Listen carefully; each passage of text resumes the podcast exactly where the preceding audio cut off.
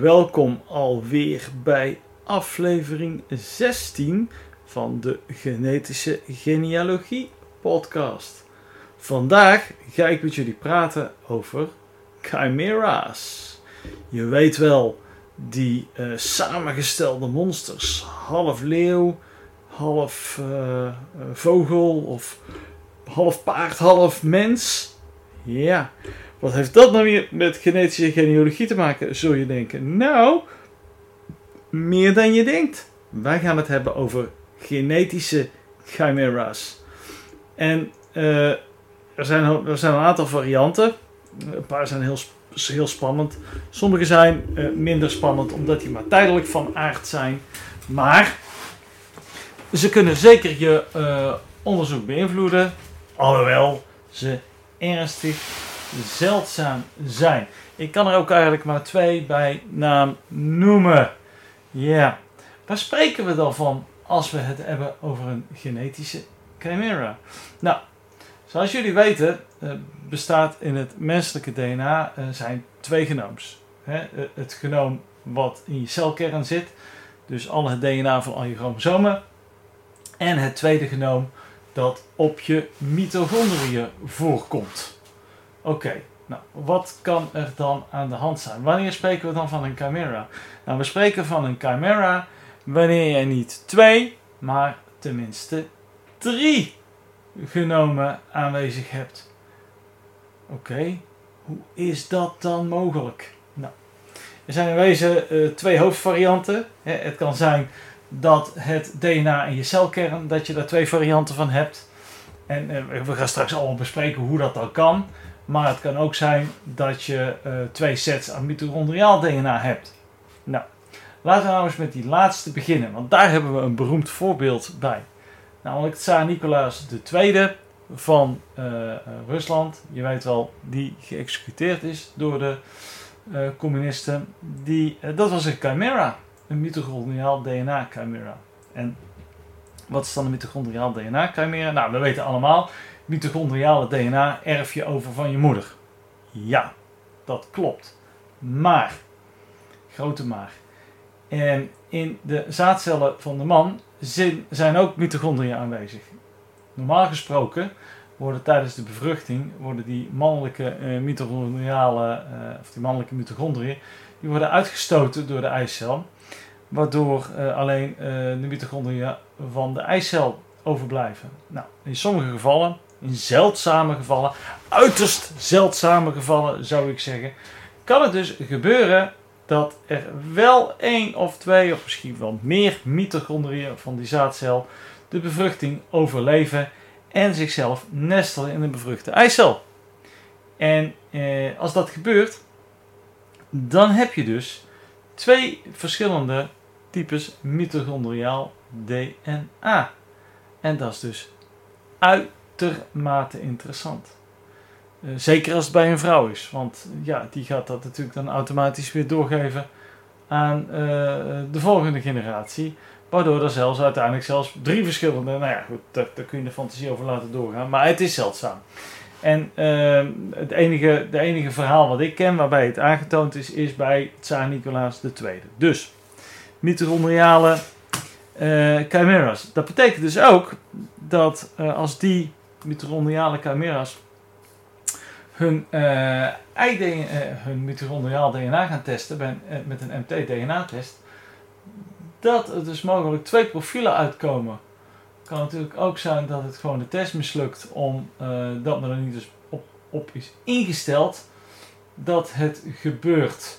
Maar ja, het, het gebeurt. Ehm, samengevat dus, mitochondriaal DNA kan dus in Duplo voorkomen.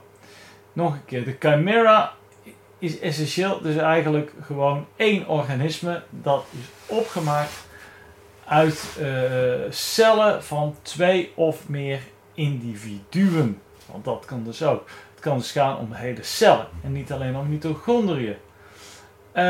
hoe zou dat dan kunnen gebeuren? Ja, nou, wat bijvoorbeeld kan gebeuren is dat een vrouw zwanger is van een tweeling en dat in het hele vroege stadium, helemaal in het begin, uh, een van die tweeling uh, komt te overlijden en dat uh, wat van de cellen van die embryo worden opgenomen, geabsorbeerd door de andere tweeling.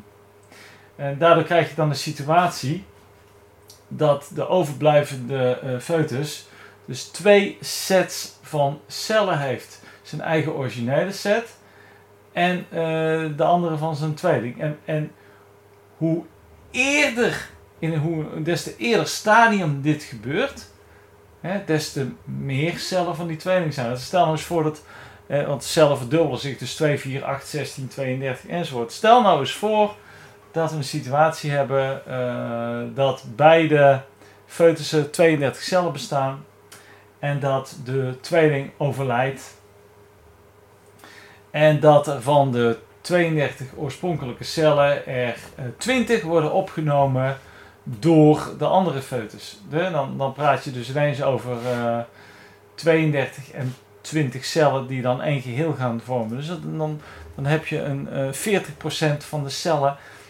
hebben dan een ander DNA-profiel. Dat is dus mega interessant. En, dat dan, en omdat al die verschillende posities van die cellen ervoor zorgen dat er verschillende organen uit ontstaan, kan het dus zijn dat het ene orgaan dat DNA-profiel heeft en het andere orgaan dat DNA-profiel heeft. Mega interessant. Uh, als je dat gaat testen, en als je dan dus wangslijmvlies gaat testen, of speeksel gaat testen, of bloed gaat testen, dan komt waarschijnlijk dit niet naar buiten. En waarom komt dit niet naar buiten? Uh, omdat uh, nou ja, je bloed dat wordt gemaakt in, uh, in je beenmerg. Dus heel waarschijnlijk heeft dat beenmerg dan één type stamcel gehad. Dus van een van die foetussen. Speeksel heeft misschien een ander type stamcel gehad van, een andere, van de andere foetus. Dus dan zie je dat niet. Dan zie je maar één beeld. het, het is dus ook heel vaak zo dat individuen dus überhaupt absoluut niet weten dat ze een camera zijn. Nou, zo is er een bekend verhaal uit 2002. Eh, Het is al een oud verhaal. En dat verhaal gaat over een vrouw. En die vrouw heet Karen Keegan. En Karen die had een uh, niertransplantatie nodig. En die werd daarvoor genetisch getest. Samen met haar familie, die ook werd getest. Of, of een van de familieleden uh, een nier aan haar zou kunnen geven. Maar de uh, testen, de uitkomst van de testen was dat uh, de vrouw, uh, Karen Keegan, niet de moeder kon zijn van haar zonen. En dat was een enorm, een enorm schandaal is het ook geweest met, met jeugdzorg en zo. Nou ja, de Amerikaanse variant erop. Maar uiteindelijk, na goed onderzoek, ontdekten ze dus dat Karen Keegan een chimera was. Ze had dus verschillende sets van DNA. En ander DNA in haar bloedcellen dan de andere weefsels in haar lichaam.